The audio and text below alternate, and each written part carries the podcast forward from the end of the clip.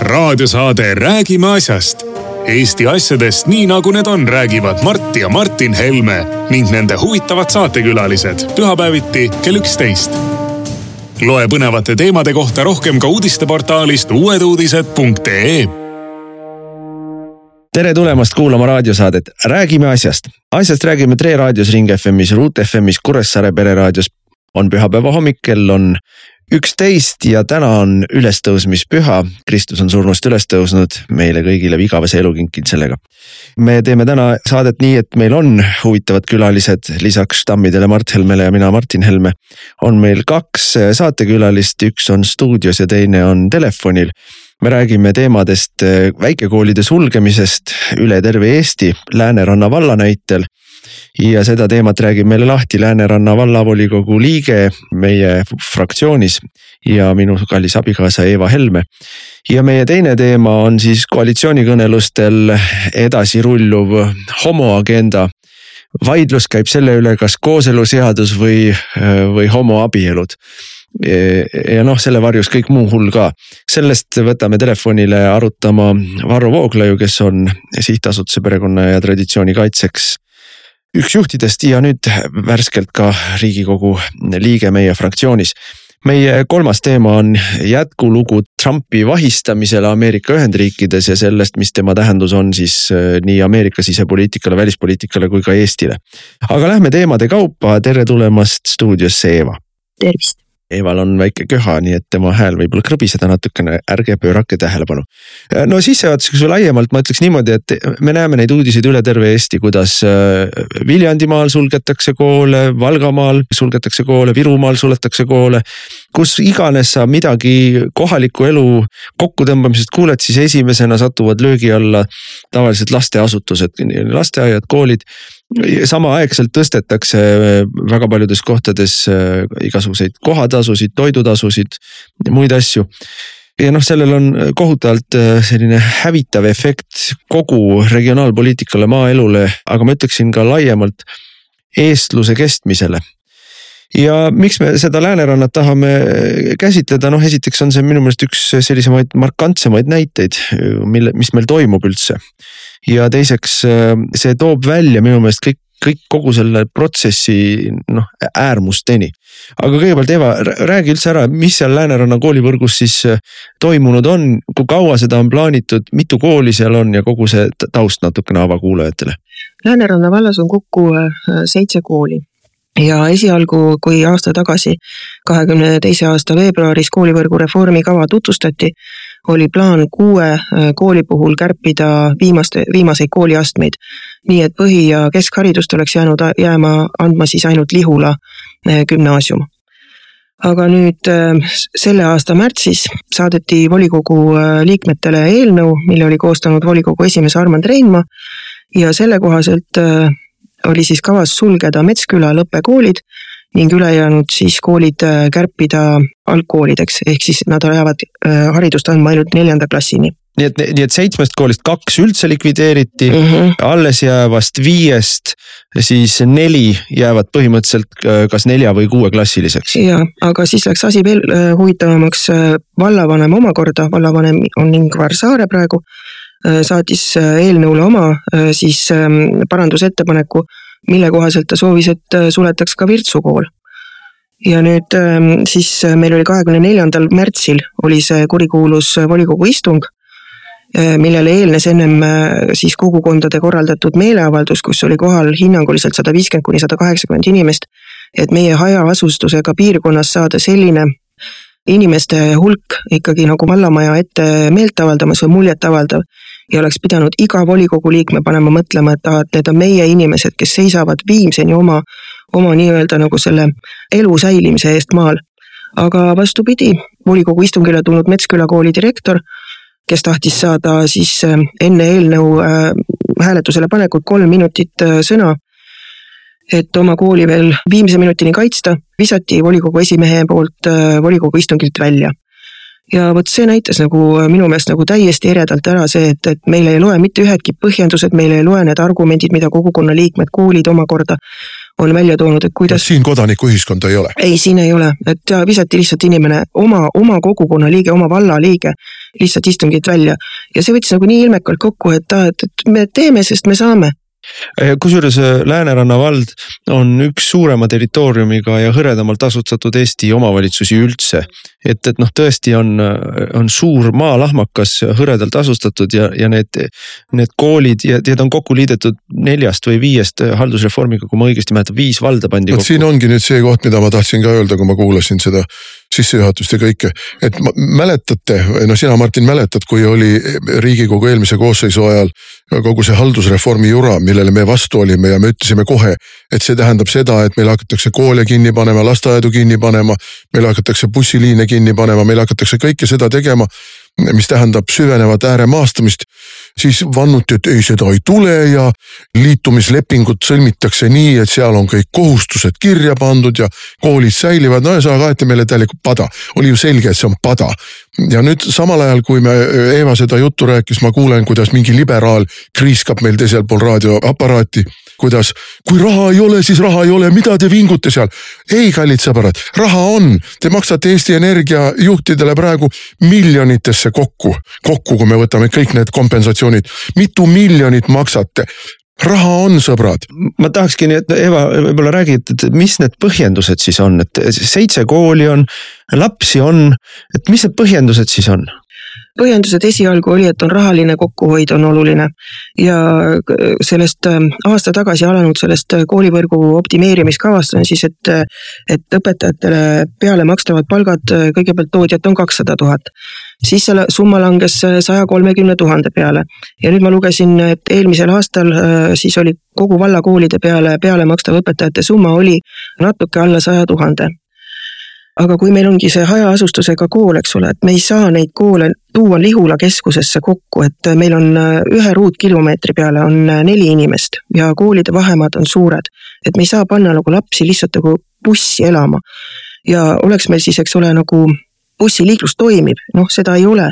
aga et mis need muud kulud, äh, kokkuhoitavad kulud on, siis meile ütles eelmine vallavanem Ene Täht, et elektri ja siis nii-öelda küttekuludelt äh, kokkuhoidu ei tule, aga kõige olulisem selle siis äh, reformi puhul on hariduskvaliteedi tõstmine ja see, kui me nüüd võtame selle, et meie vallas on õpetajate Äh, siis äh, kvalifikatsioon üle kõikide koolide kokku kaheksakümmend kaks protsenti, mõnedes koolides see on sada protsenti.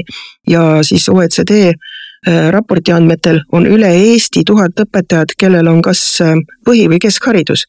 siis meie vallal ei ole probleemi hariduse taseme siis kehva kvaliteedis. no seda näitab ka see, et näiteks seesama suletav Metsküla kool toob igal mm -hmm. aastal üle maakonnalisi auhindu, üleriigilisi auhindu. ja nüüd, aga noh, mina vaatasin ka, olen neid eelarvenumbreid ju kõrvalt vaadanud. see kokkuhoiu jutt on, on täiesti valelik, noh sõna otseses mõttes valelik.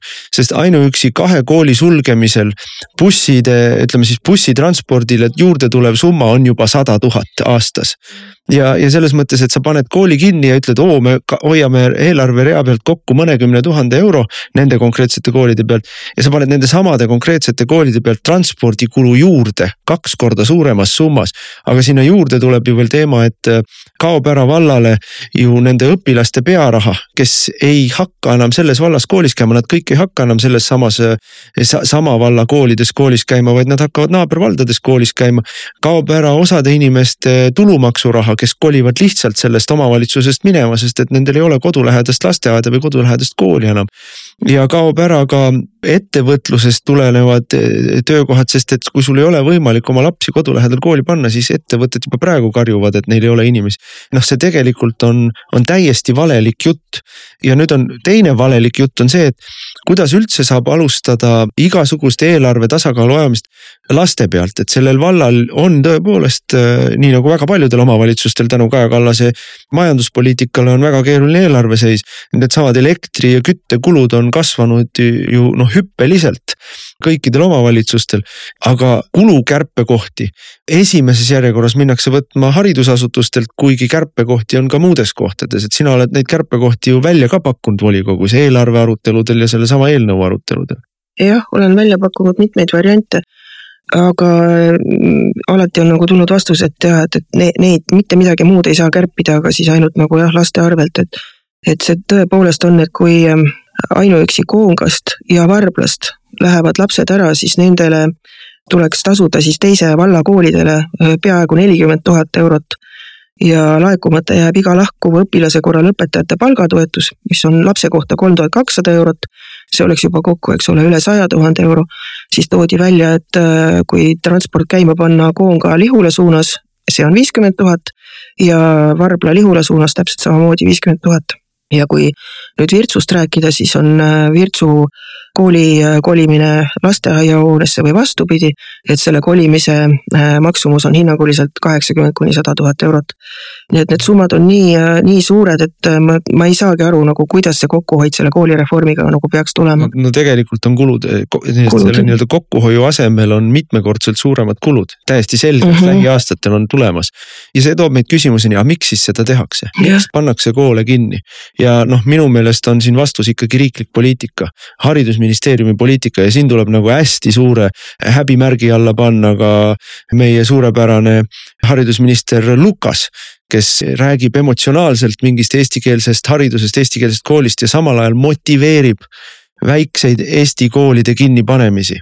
Jah, tõepoolest kõige pikema staažiga haridusministrid on olnud siis üheksakümnendast aastast alates Isamaa, Isamaa ministrid ehk siis kolmteist koma kolm aastat ja kui me jah, tõesti premeerime nagu omavalitsusi selle eest, et te sulgete koolid ja saate selle eest raha, mitte vastupidi, et kui te hoiate koolid alles, siis mitte ühtegi head sõna selle hariduspoliitika kohta öelda ei ole.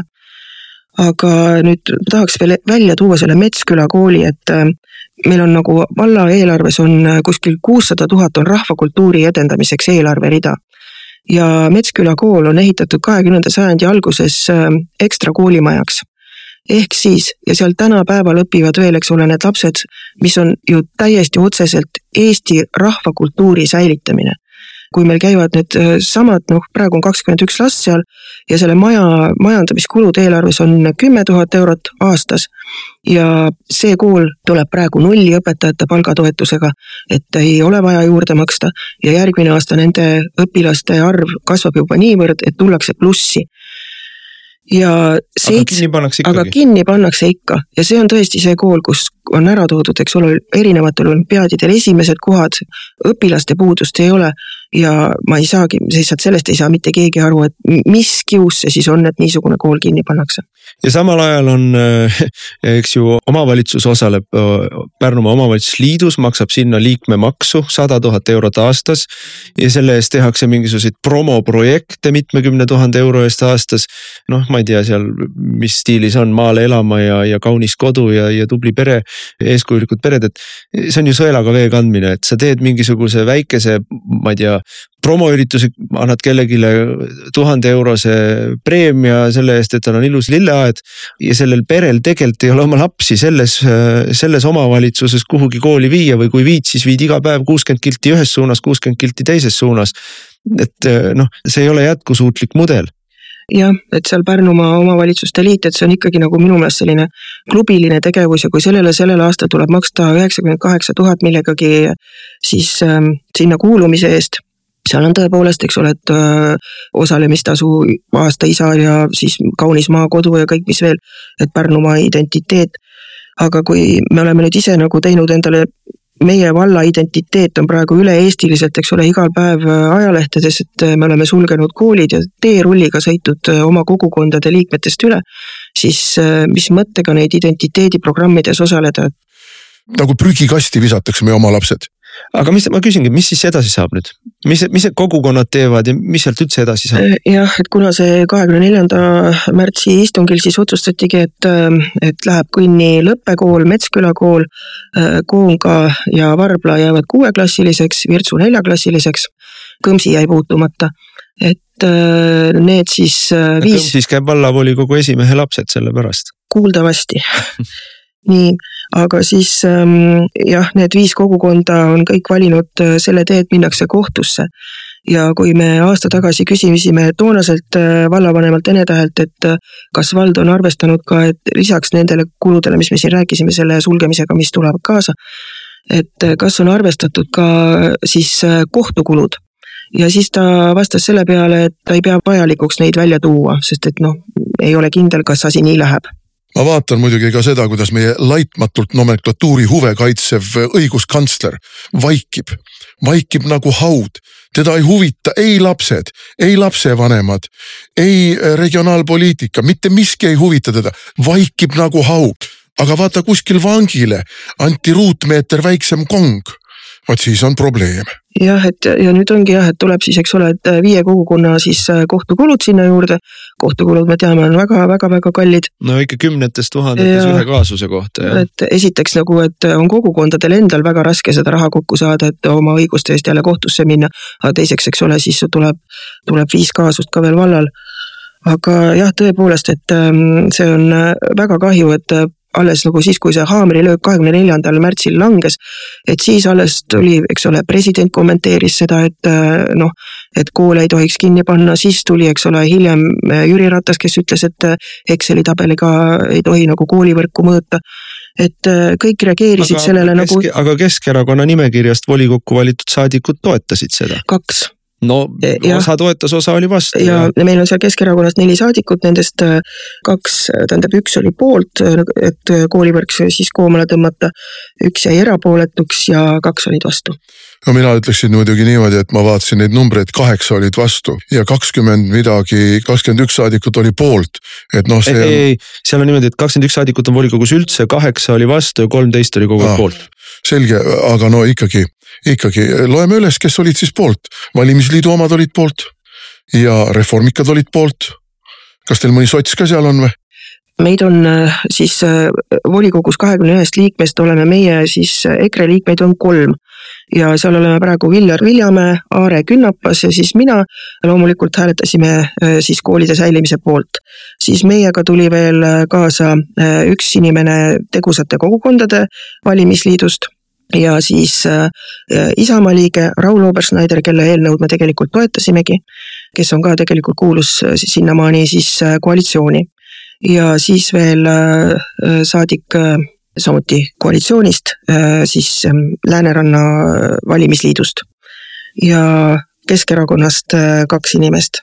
et kokku saime kaheksa inimest, kes siis seisid Viimseni siis koolide säilimise eest ja kõige kummalisem ausalt öeldes, et minu meelest selle teema puhul, kas sa oled poolt või vastu, aga kõige kummalisem oli see, et, et jah, et, et siis üks inimene oli nagu kõigi koolide puudutavas küsimuses siis erapooletu. sisuliselt toetas. ja sis, sisuliselt toetas jah. aga noh, see seal ma ütlen, üks põhjus, miks ma olen eluaeg suhtunud ikkagi väga tõrksalt valimisliitudesse on see, et, et noh, seal volikogus on ülekaalus valimisliidud ja mm -hmm. üks mhm. valimisliit sai absoluutse enamuse ja noh, valimisliitude jutt on ju alati see, et oi, nemad on need kohalikud inimesed ja neisse suur poliitika ei puutu ja. ja noh, nendel on see side kohaliku kogukonnaga tutkit. mingit kohalikust kogukonnast äh, hoolimist seal ei olnud, mingit kohaliku kogukonnaga diskussioonigi ei olnud lihtsalt tehti ära, teerulliga tehti ära ja noh, selge on see, et see valimisliit järgmiseks korraks noh, laguneb ära ja enam ei saa mingisugust sellist äh, toetust. aga tulevad uued äh, valimisliidud, mille puhul tegelikult samad hädad on. ei no samad joped on ju kõik, samad joped on ju kõik et äh, praeguse valimisliidust nüüd juba teataski selle siis eelnõu läbiminemisel, et kaks saadikut, et nad lahkuvad koalitsioonist.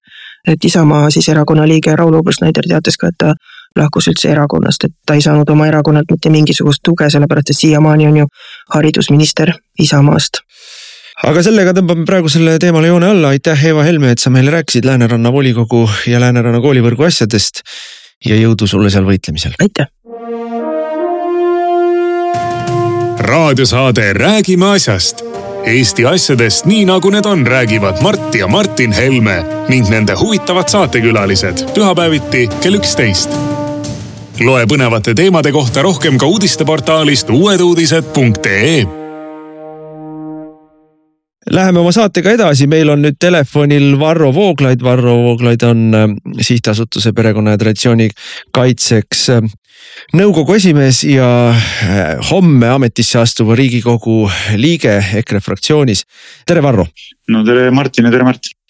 meie eesmärk äh, sind siin telefonile võttes oli anda kuulajatele väike ülevaade siis sellest, äh, mis meil kultuurisõja rindel toimub ja hakkab toimuma.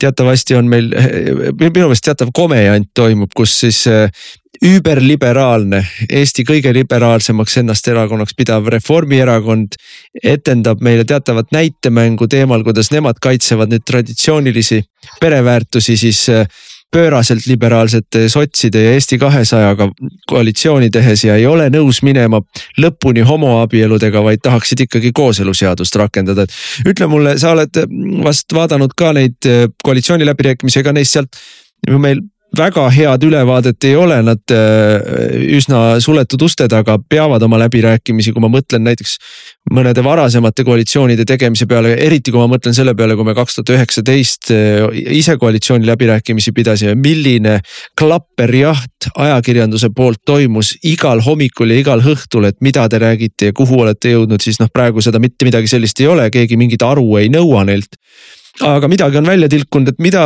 mismoodi sina näed seda, seda vaidlust ja, ja mis sulle tundub, kuhu sellega jõutud on või jõutakse?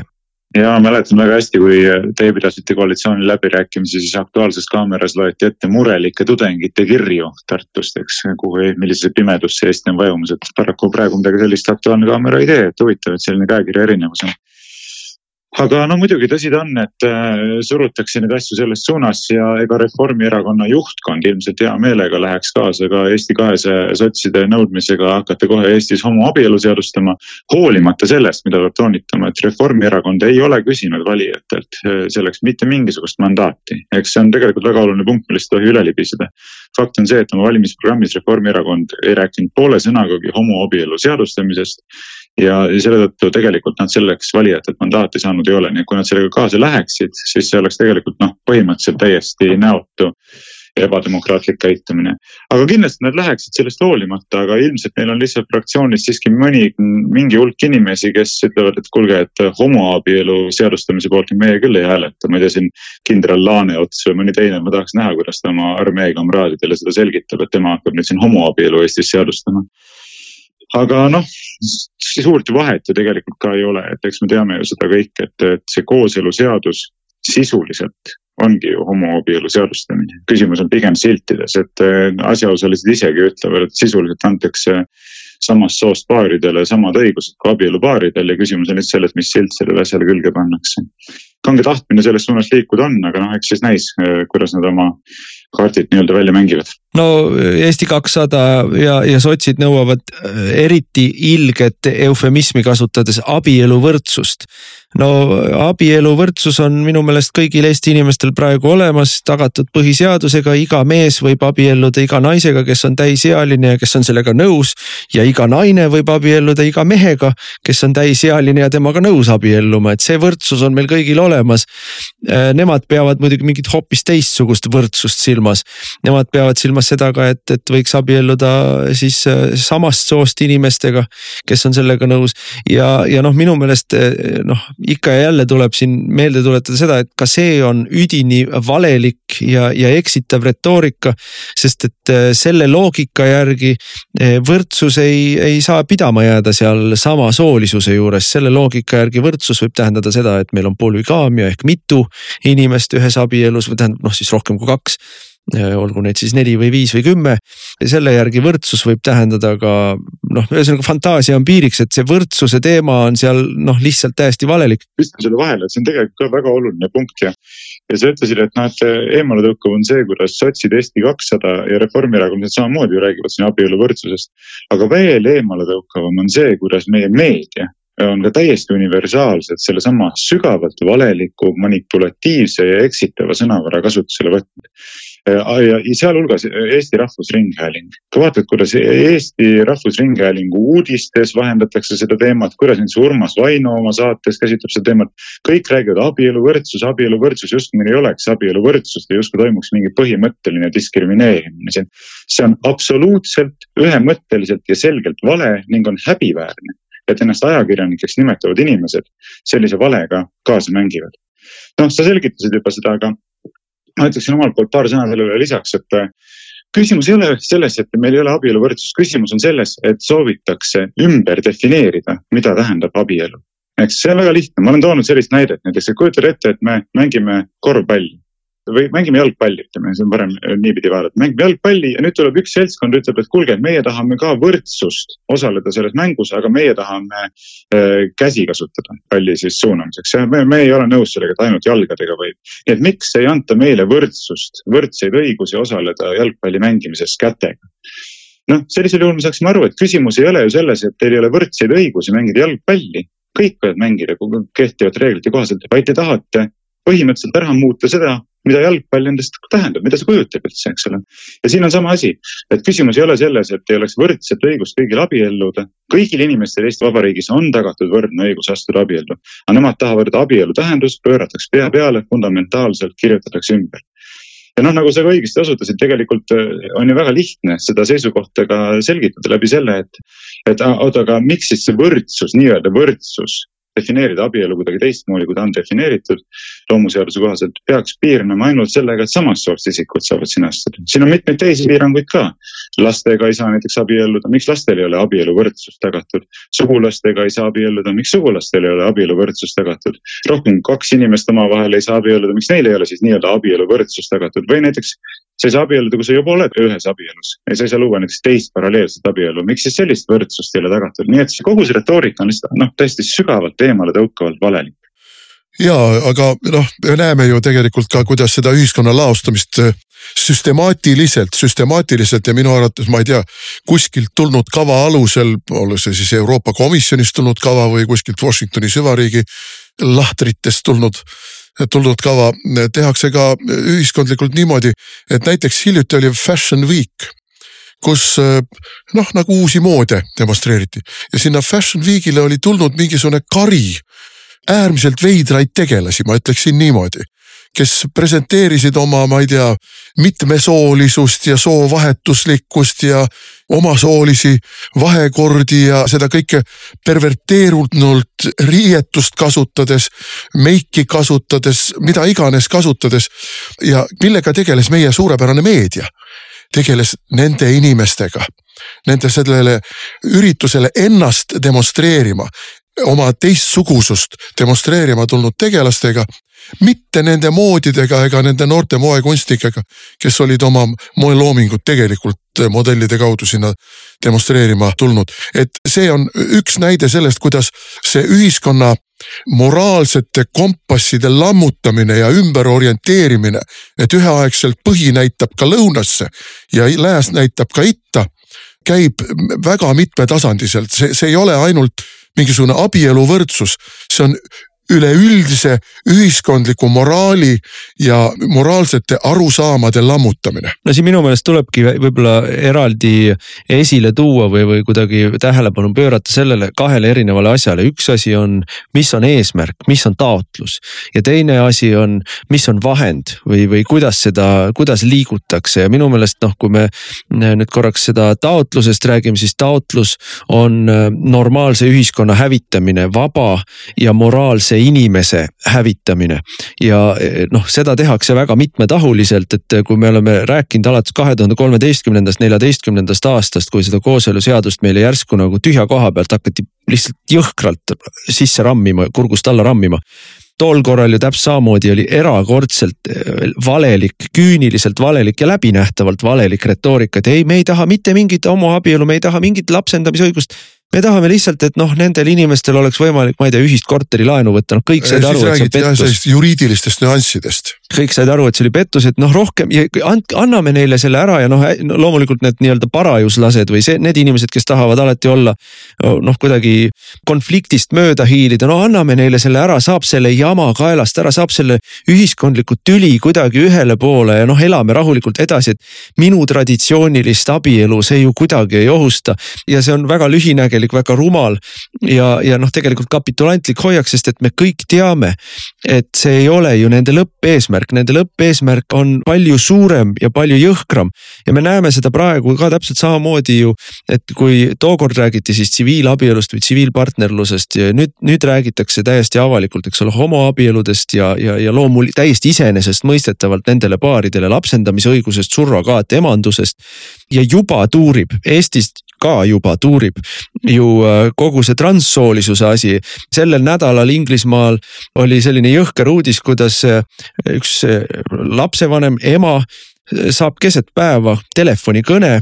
Telefonil on teises otsas siis kooli mingi sallivusaktivist, kooli palgal olev sallivusaktivist, kes mitte ei küsi, vaid annab teada, et teie tütar, kolmeteistaastane tütar on otsustanud sugu muuta, nime muuta ja nõuab nüüd, et tema poole pöördutakse teiste eessõnadega, eks ole, mitte siis she või vaid he või ma ei tea, mis iganes neil seal siis on. Ja mida see tegelikult see kõne näitas, see kõne näitas lapse riigistamist, et kool otsustas kool nõustas, otsustas, et teie kolmeteistaastane laps ei kanna enam teie nime, ei ole enam oma loomuliku sooga ja, ja sul ei ole midagi kobiseda, sest kui sa kobised, siis võetakse sult vanemlikud õigused ära ja see laps võetakse nii-öelda riigi hoolde alla. et see, see eesmärk on täielikult purustada tuumikperekond, täielikult purustada laste ja vanemate vaheline suhe, mehe ja naise vaheline loomulik suhe. see on eesmärk ja vahend on siis liikuda niimoodi viilude kaupa institutsioone üle võttes või institutsioone perverteerides. niimoodi näen vähemalt mina seda asja, võib-olla Varro, sa oskad siin lisada midagi? ei no nii see ongi, et ega totalitaarsed riigid on alati ju äh, pidanud äh, nii kirikut kui ka perekonna institutsiooni oma vaenlaseks sel lihtsal põhjusel, et see seisab. Äh, need institutsioonid seisavad teel riigi totalitaarse võimu kehtestamisele, kehtestamisel üksikisikute üle eks, et perekond on ikkagi vabaduse bastion, vabaduse kaitsevall, ta kaitseb iga üksikut isikut riigivõimu niisuguse totaalse sissetungi eest. ja kõik totalitaarsed süsteemid on alati sellepärast üritanud perekonna institutsiooni nõrgestada ja selle arvelt riigivõimu ulatust siis inimeste üle kasvatada. Ja noh, seesama asi toimub praegu ka, lihtsalt teises vormis, seda üritas teha Nõukogude võim ja seda üritab nüüd teha praegu see end liberaalseks nimetav võim aga noh, ma ütlen sellega seonduvalt, mida te rääkisite, on tegelikult väga palju olulisi punkte, mida noh, tuleks eraldi käsitleda, aga ütleme nii, et äh, jah, muidugi see kõik on õige, et loomulikult need eesmärgid on palju kaugele ulatuvamad, laste õigused ei huvita tegelikult süsteemi absoluutselt. noh, seesama homoabielu seadustamise puhul on see ju selgelt näha. homoseksuaalid tahavad saada õigust teostada oma soovi lapsendada lapsi, nemad tahavad endale lapsi mis siis, et loomulikul teel nad seda ei saa, aga see, et lastel on loomulik õigus emale ja isale, see ei huvita mitte kedagi, see ei huvita meie meediat. ega ka see, et surrogaatemadus on ju tegelikult tänapäeva orjapidamise üks viise, just. inimkaubandus, jah inimkaubandus ja orjakaubandus sisuliselt jah, et, et inimesi kasutatakse ära lihtsalt muuladena ja ostetakse lapsi. sest nemad tahavad, nemad tahavad, Nendel on väidetav võrdne õigus sellele, aga tegelikult neil ei ole mitte mingit sellist õigust, reaalselt on lastel õigused, loomulik õigus emale ja isale, mida riik peab austama ja kaitsma. reaalselt, see on nüüd päris inimõigus. no see on ka põhiseaduses muide ja, ja põhiseadus, ma tahtsin sinna jõuda, et, et pange tähele. et noh, teile ma ei pea seda rääkima, aga inimesed, kes kuulavad seda saadet, reaalselt, kui me räägime päriselt õigustest ja kohustustest, siis põhiseadus ütleb paragrahvis kakskümmend seitse selgesõnaliselt perekond rahva püsimise ja kasvamise ning ühiskonna alusena on riigi kaitse all, nii. ja seda peab reaalselt austama. aga Varro, nemad ei arva, et perekond tähendab seda, mida meie sinuga arvame, et perekond tähendab? Nad tahavad ju selle perekonna ümber defineerida. eks see omakorda näitab, millise mõistuse varjutuseni me oleme jõudnud, eks ma siin just eile nägin videoklippi sellest, kuidas Uus-Meremaa peaminister ei oska vastata sellisele lihtsale küsimusele, et mida tähendab sõna naine mida tähendab olla naine. Hakkas seal udutama, kokutama, et noh, et ei tea, kuidas keegi ikka iseennast määratleb ja sellest sõltub ja nii edasi. aga meie ei ole eriti erinevas olukorras, sellepärast et meie poliitiline juhtkond ja ajakirjanikuks nimetavad inimesed ja kogu see seltskond ei oska ju enam vastata lihtsale küsimusele sellest, mis on perekond see on alati olnud täiesti ühemõtteliselt inimestele selge, et perekond on liit, mis baseerub mehe ja naise vahelisel liidul. abielu omakorda on perekonna vundament, eks, mis on samuti ühe mehe, naise, ühe mehe ja ühe naise vahel sõlmitav liit, eks, et ei, ei, nemad ei saa aru. et ma siin isaga rääkisin näiteks sel teemal, et kui Põhiseaduse Assamblee oli ja põhiseadusesse kirjutati see säte, paragrahv kakskümmend seitse, et perekond rahva püsimise ja kasvamise ning ühiskonna alusena on riigi kaitse all siis absoluutselt mitte kellelgi ei tekkinud seda küsimustki, et perekond võiks tähendada midagi muud kui mehe ja naise vaheline liit. aga nüüd tehakse sellist nägu, et ei noh, ega me ju täpselt ei tea, mis see perekond on ja kuidas ja nii edasi. Et noh, see on häbiväärne ja piinlik olukord. Ja kusjuures ma lihtsalt lisan siia, et ka kui me vaatame Eesti Rahvusringhäälingu seadust, ma ei tea, kas inimesed on sellest teadlikud või mitte, aga võtke lahti Riigi Teatajast, Eesti Rahvusringhäälingu seadus, see ütleb paragrahvis neli, ma ei mäleta, mis punkt see täpselt oli. et eh, Rahvusringhääling peab seisma perekonnal baseeruva ühiskonnamudeli eest, nii aga mida me reaalselt näeme, mida, millega tegeleb näiteks Pealtnägija süstemaatiliselt sellise homoideoloogilise propagandaga, millega tegeleb Ringvaade. Nad ei, nad ei pea kinni sellest kohustusest absoluutselt ja see ongi meie riigis üks suurimaid probleeme, et põhiseaduses ja seadustes võib olla kirjutatud, võivad olla kirjutatud õiged põhimõtted aga lihtsalt nahaalselt, jultunult, süstemaatiliselt ignoreeritakse seda või töötatakse sellele lause vastu. aga mina tahtsin öelda seda veel äh, siin eespool juba, et äh, ma näen siin veel ühte äärmiselt olulist äh, momenti ja, ja see puudutab kõiki raadiokuulajaid, see puudutab kõiki inimesi. see on nimelt see, et meile praegu laotakse maha kiirteed, veel üht kiirteed, mille kaudu on võimalik inimesi tühistada kui sa ei ole homoabielude poolt, siis me tühistame su. Kui sa ei ole transsooliste, ma ei tea, mingite õiguste poolt, siis me tühistame su. meil luuakse mingisugune ideoloogiline vundament kõikide inimeste tühistamiseks, kes ei ole sellega nõus. Varro, sind juba tühistatakse, mind ka tühistatakse. tervet meie erakonda tühistatakse praegu, sellepärast et meie ei ole selle niinimetatud liberaalse baaskonsensuse põhipostulaatidega nõus ja ütleme, et need on ebanormaalsed ja neid ei saa meie ühiskonnas kehtestada, sest see hävitab meie ühiskonna, see hävitab meie rahvuse ja see hävitab lõppkokkuvõttes ka sellesama riigi, mille kaitse pidi nii tohutu tohutult tähtis on. ja, aga kui sa sellist juttu räägid, siis äh, öeldakse, et see on räuskamine ja see on viha, vihkamine ja see on õelutsemine ja üleüldiselt putinistlikud jutupunktid.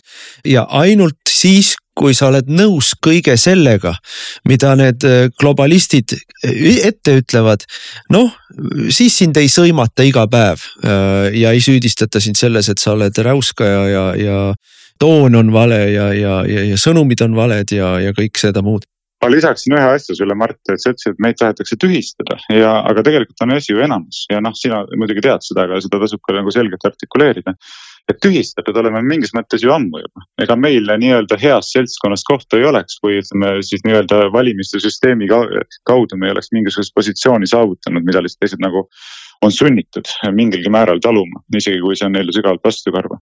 Aga probleem on enamus sellepärast, et paralleelselt selle homoideoloogia juurutamisega me ju teame, millega see moodustatav valitsus kohe tahab tegelema hakata, süstemaatilise, jõulise rünnakuga veendumuste vabaduse, südametunnistuse vabaduse ja sõnavabaduse vastu. ehk teisisõnu, niinimetatud vaenukõne loosungi kattevarjus, nad tahavad mitte üksi meid tühistada, vaid nad tegelikult tahavad luua eeldused selleks, et meid saaks hakata kriminaalõiguslike vahenditega represseerima ja vangi panema, reaalselt. Ja kui nüüd keegi ütleb, et oi-oi, Vooglaid nüüd liialdab, et ega päris nii hull nüüd see asi ka ikka ei ole ja nii edasi, siis kuidas ei ole? vaadake üle Soome lahe, kuidas käivad asjad Soomes, mis on meist selle programmi juurutamisel mõnevõrra ees, ütleme kümmekond, viis aastat ees ei no vaatame üle Atlandi ookeani, me viimases lõigus saates räägime Trumpist ja tema protsessist. vaatame, mis toimub ja see on tegelikult sama, mis me oleme rääkinud ka varasematest saadetest. et valimiste kaaperdamise järel jõutakse varem või hiljem oponentide represseerimiseni ja see on kõik, mida sa praegu loetlesid. see, need on need etapid, need on need astmed, mida mööda liigutakse ja, ja, ja, ja no lihtsalt äh, Päivi Räseneni kaasus näitab seda väga selgelt. täpselt sellepärast, et ta on öelnud, et homoseksuaalsed suhted ei ole kooskõlas kristliku õpetusega, kujutavad endast pattu, on ebamoraalsed. on riigi peaprokuröri nõudmisel juba mitu aastat tema suhtes peetud kriminaalmenetlust. arutatakse selle üle, kas siis panna Päivi Räsänen, viie lapse emast, arst, endine siseminister, kristliku demokraatide juht vangi või mitte panna. nii selle üle näiteks käib vaidlus, esimeses astmes kohus otsustas, et ei, ta ei ole, teda ei saa kriminaalkorras süüdi mõista. riigi peaprokurör isiklikult ei nõustunud sellega, vaidlustas selle kohtuotsuse ja kohtuvaidlus jätkab teises astmes, nii ehk see on nüüd täpselt see, milleks üritab see Reformierakonna, Eesti kahesaja ja sotside liit ka Eestis eeldusi luua. Et samamoodi konservatiivsete poliitikute suhtes, kes ei ole nõus vait jääma, lahti ütlema oma päriselt konservatiivsetest moraalsetest veendumustest, saaks hakata rakendama kriminaalõiguslikke repressioone. see on see, ehk see seltskond tegelikult reaalselt vihkab vabaduse ideaali, vaba ühiskonna ideaali samal ajal kui konservatiivid on ainsad, kes päriselt kaitsevad seda vaba ühiskonna ideaali. ja ma lisan ühe asja veel siia, kui te lubate kiiresti. et ma ei mäleta nüüd, kas sina, Mart või sina, Martin, mainisite seda, et tegelikult viiakse ju ellu väljaspoolt dikteeritud ideoloogilist programmi. see on ka nüüd väga oluline asi, me oleme saanud nüüd sel-, saamas sellist valitsust, mis süstemaatiliselt viib ellu mitte sellist poliitilist ideoloogilist programmi, mille järele on Eesti ühiskonnas reaalselt vajadus mis lähtuks Eesti rahva reaalsetest huvidest ja Eesti rahva heaolu taotlusest ja soovidest, vaid mis lähtub välisest ideoloogilisest ja poliitilisest tellimusest ja ettekirjutusest. no euroopalikud väärtused on selle nimi, euroopalikud väärtused. nimetavad seda euroopalikeks väärtusteks ja läänelikeks väärtuseks ja meie positsioone, kes me kaitseme vabadust ja moraalseid alusprintsiipe, nad nimetavad venemeelsuseks ja putinismiks ja nii edasi, see on noh, tüüpiline selline valelik äh, propaganda, eks aga see on väga oluline, kogu see homoideoloogia pealesurumine Eesti ühiskonnale, see, see ei võrsu Eesti ühiskonnast, Eesti ühiskonnas puudub selle järele igasugune vajadus. või siis äh, sõnavabaduse, veendumuste vabaduse, südametunnistuse mahasurumine, selle järele ei ole mitte mingit reaalset vajadust Eestis, Eestis ei ole mingit suurt vihakuritegude probleemi, mida me peame nüüd hakkama lahendama sellega, et. et kriminaliseerida nimel, niinimetatud vihakõne, ei ole. miks seda tehakse? lihtsalt sellepärast, et Euroopa Liit nõuab ja ähvardab Eestit vastasel juhul trahvidega ja meie kohalikud asehaldurid lihtsalt viivad seda nõudmist ellu. ja noh, kuhu iganes sa ei vaata olulisematest asjadest, näeme täpselt sama mustrit, kas Eesti ühiskonnas reaalselt on vajadus ellu viia seda niinimetatud rohepöördeks nimetatud ideoloogilist ja poliitilist programmi, ei ole.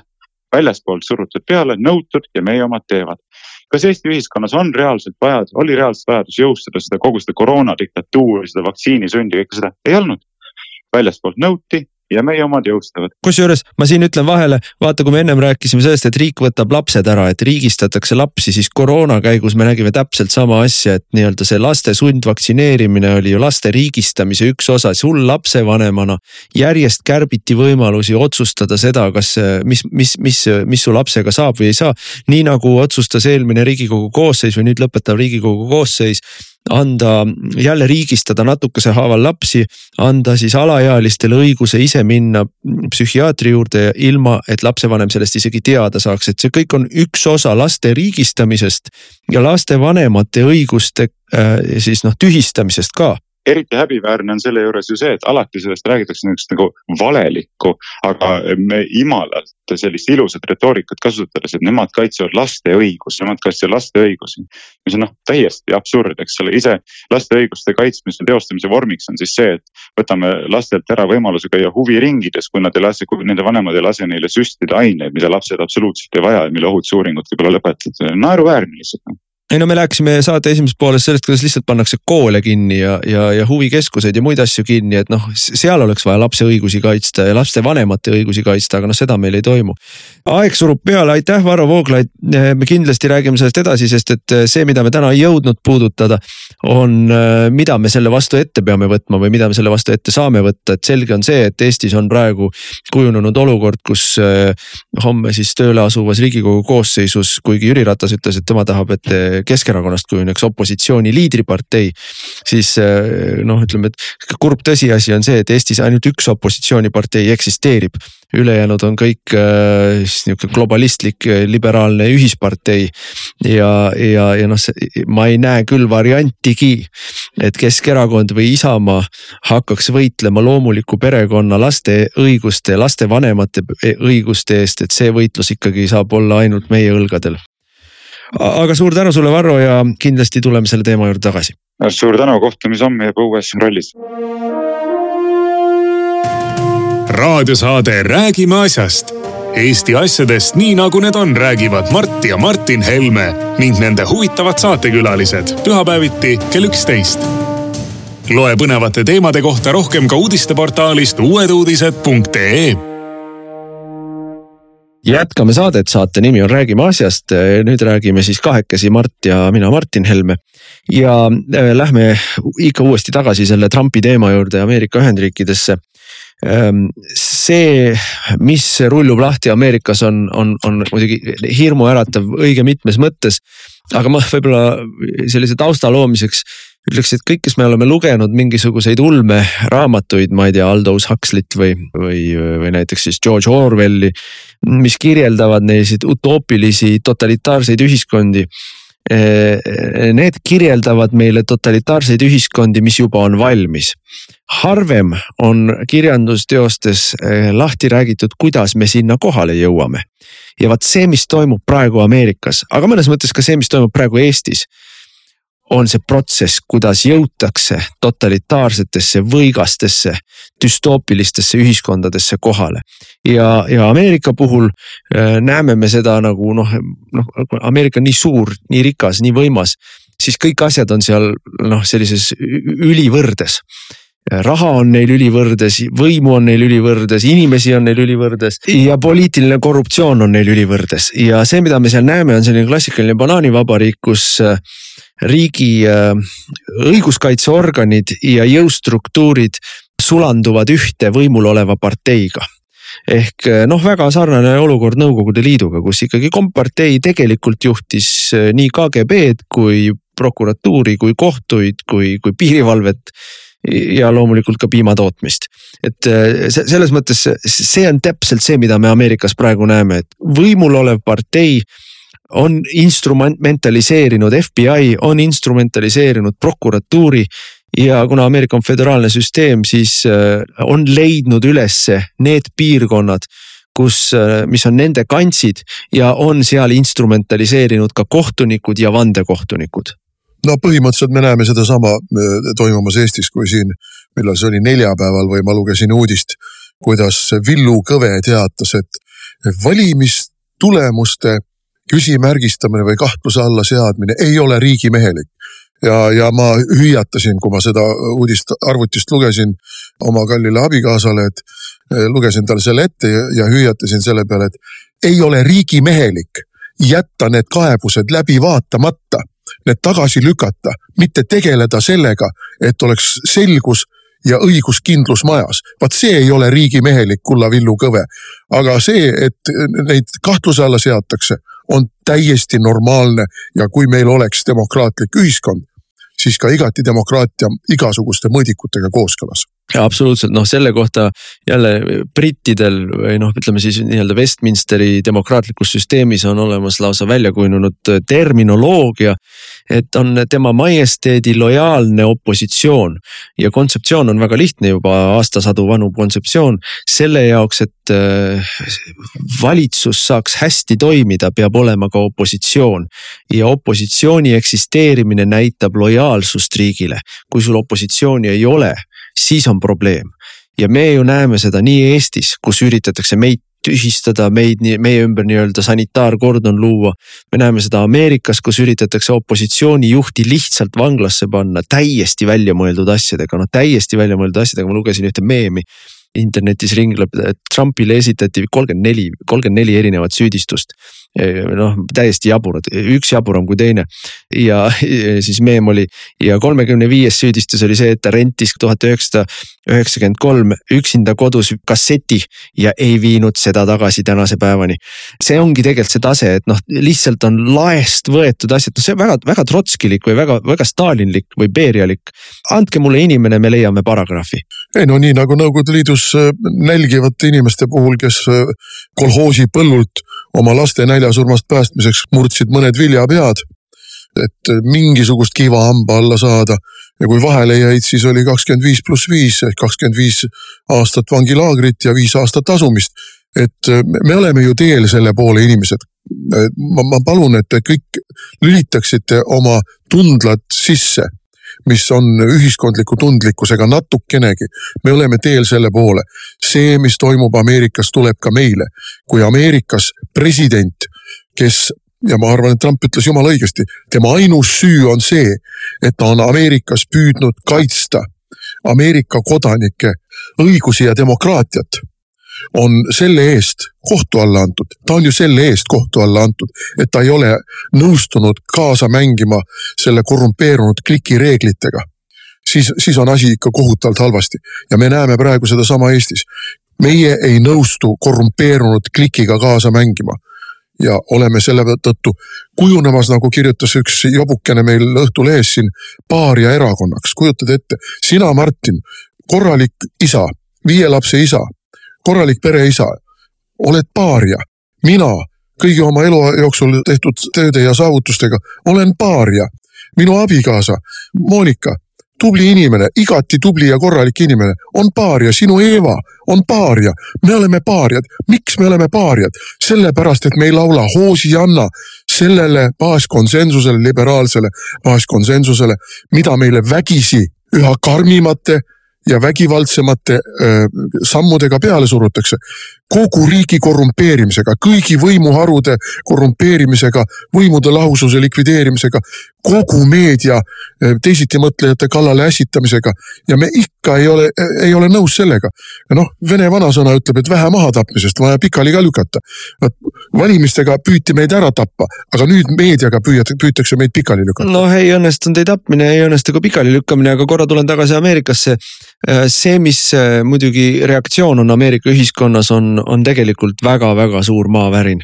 ja, ja noh, eks see asi muidugi kerib edasi ja settib veel, aga noh, juba praegu on näha mõningad sellised selged liinid või, või, või noh, mingisugused trendid, et esimene asi on see, et ühest küljest vastab tõele see, mida kõik ütlevad, et Trumpi populaarsus hüppeliselt kasvas. Trump on noh, põhimõtteliselt täiesti selgelt teel vabariikliku partei siis presidendikandidaadiks saamisele, et tal juba ennem seda oli väga hea šanss saada vabariikliku partei presidendikandidaadiks tema noh, ütleme siis lähimad konkurendid, kellest kõige tugevam vast ehk on Florida kuberner Ron DeSantis.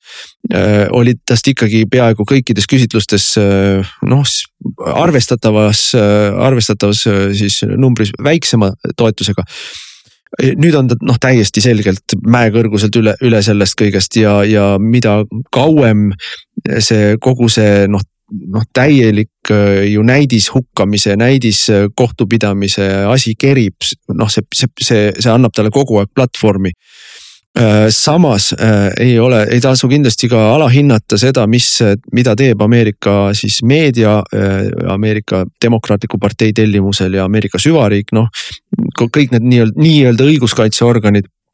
noh, me teame omast kogemusest Eestis, kui kallis on enda kaitsmine jaburate süüdistuste eest kohtus, no Marti Kuusiku kohtukaasus läks maksma kolmkümmend viis tuhat eurot ühele advokaadile ja kaksteist või kolmteist tuhat teisele. meedia räägib ikka endiselt, et no tegelikult oli ta ikka naisepeksja, kohtus ei suudetud seda lihtsalt tõestada. ja see, kusjuures on veel minu eraldi point, et, et üks asi on see kohutavalt kurnav, aga noh, Ameerika puhul korrutame selle kõik kolmesajaga või noh, ütleme, et nädalas kulub tal advokaatide peale miljoneid ja miljoneid demokraadid avalikult räägivad, kuidas nad kavatsevad veel mõningad äh, laest võetud kriminaalsüüdistused mõnes teises osa, osariigis talle kaela tõmmata, noh Georgiast on räägitud ja ma ei tea, siin mõnest teisest osariigist veel. Ehk siis täielikult lükata ta mingisuguse sellise protsessi laviini alla ja siin tuleb öelda seda, mida ikka nii Ameerikas öeldud, kui mis Eestis eriti selgelt kehtib protsess ongi karistus. et sa võid ju kümne või viie aasta pärast või viieteist aasta pärast, nagu meie oleme siin mõningate Eesti kaasuste puhul näinud. isegi lõpuks äh, õigeksmõistva otsuse saada. aga seda viiteist aastat oma elust sa tagasi ei saa, seda rahakulu sa tagasi ei saa, seda närvikulu sa, sa oma tervist sa tagasi ei saa. seda, neid elatud aastaid mille sa oled pidanud kogu aeg võitluses veetma selle asemel, et kuskil normaalselt midagi teha. sa tagasi ei saa, protsess ongi karistus ja, ja noh, neid protsesse nad kavatsevad nüüd Trumpile kaela tõmmata seal lõputult. muuhulgas võtab see ju ära aega, aja kampaaniat teha ja demokraatide selge plaan ongi nii palju seda protsessi talle kaela valada, nii palju kulusid tekitada, rahakulu, ajakulu, et ta ei saaks korralikult kampaaniat teha ja kuigi ta võidab vabariiklaste nominatsiooni presidendikandidaadiks, kaotab ta siis üldvalimistel, sest et tal lihtsalt ei lasta kampaaniat teha ja, ja, ja meedia kajastab seda tema protsessi lõputult talle noh üdini tendentslikus, valelikus, süüdistavas võtmes kogu aeg. kas te nägite, tal tuli jälle üks dokument välja, kus ta oli kirjeldanud, kuidas ta käis kalal. noh, milline õudus ja seda tehakse nüüd järgmised kaks aastat vähemalt ja no põhimõtteliselt ma ütlen siin ka jällegi tulles Kodutanumale, et meil on ka tihtipeale, kui keegi kuskil meid laimab või mingisuguse süüdistuse õhku viskab, siis meie inimesed ütlevad, andke kohtusse, andke kohtusse. no meil ei ole lihtsalt neid vahendeid, me ei saa, me ei saa anda iga mingisugust laimavat kommentaari või mingisugust laest võetud süüdistust, olgu tegemist siin, ma ei tea, mingi Prigožini või ükskõik millega. me ei suuda neid asju kohtusse kõiki viia, sest meil ei ole vahendeid, et neid advokaate kinni maksta, neid lõputuid kohtuprotsesse käia ja nii edasi ja nii edasi. ja siis ütlevad meie vaenlased, no näe, EKRE ei julge kohtusse anda, sest teavad, et saavad seal peksa. ei no aga esiteks ma ütlen, noh erakonnale iga-aastasest eelarvest kümned tuhanded lähevad nagunii erinevate kohtukaasuste peale, kus meid on kohtusse antud, täiesti triviaalsest, noh toon näite, kuidas näiteks Indrek Tarand kaebas Eesti Konservatiivse Rahvaerakonna ja tema juhatuse liikmed eraldi kohtusse ja, ja, ja käisime mitu aastat kohust ja siis pange nüüd tähele, me jõuame Eesti kohtusüsteemi aususe, erapoolikuse ja sõltumatuse juurde. ega ei ole ju kindel, et sa kohtus õigust saad. Indrek Tarandi suhtes me jäimegi lõpuks süüdi. ei tohi öelda, et ta on joodik, ei tohi öelda, et ta segas meie kampaania. sest, et ta on roolijoodikuna korduvalt vahele jäänud ja töölt lahti lastud. aga meeleavalduse puhul ta ei olnud joodik. nii, nii et noh, selles mõttes ega see kohtus käimine on raha, ma ütlen raha, aja, närvikulu ja, ja lõpptulemus on väga küsitav. nii et noh, meil siin Eestis, vaata lääne inimesed on selles mõttes tükk maad naiivsemad kui nõukogude süsteemi näinud inimesed, et meie siin Eestis saame noh instinktiivselt aru, mida, mida seal tehakse ja kuhu see välja jõuab aga seal on nagu tõeline šokk ikkagi, kui ma käin vahel kohtun oma kolleegidega, teiste erakondade juhtidega Lääne-Euroopast, kes noh, nad ei suuda uskuda, et valimisi võib võltsida, nad ei suuda uskuda, et kohus võib olla ebaõiglane või, või, või noh, kallutatud, nad ei. kuidas see võimalik on, nad imestavad, et aga kuidas on võimalik, et teie, teie riigis kuulatakse poliitikuid pealt, et seda ju ei tohi teha et noh, see lääne inimeste nagu naiivsus selle selle, selle, selle koletisega silmitsi seistes, kellega me seisame silmitsi, selle kurjusega silmitsi seistes, kellega me seisame silmitsi, on, on noh, üks osa probleemist kahtlemata muidugi meil on nüüd vaja saatele joon alla tõmmata, meil sai saateaeg otsa. Kindlasti räägime kõikidest neist teemadest, mis meil täna üleval olid. jälle, me täna ei, ei võtnud ette ei riigi majandusseisu ega võtnud ette ka koalitsioonilepingut, sest koalitsioonilepingut ei ole veel avaldatud. aga järgmise nädala saates kindlasti me võtame siis ette ka selle koalitsioonilepingu ja, ja, ja uue valitsuse ja kõik need nii-öelda jooksvad. kõik need Hiiobi sõnumid, mis sealt tulevad. just, kõik need jooksvad poliitilised sündmused, täname kõiki kuulamast ja kuulake meid ikka jälle nädala pärast pühapäeva hommikul kell üksteist. Te kuulasite raadiosaadet Räägime asjast. saate eest tasus Eesti Konservatiivne Rahvaerakond. järelkuulamine internetis treeraadio.ee ja uueduudised.ee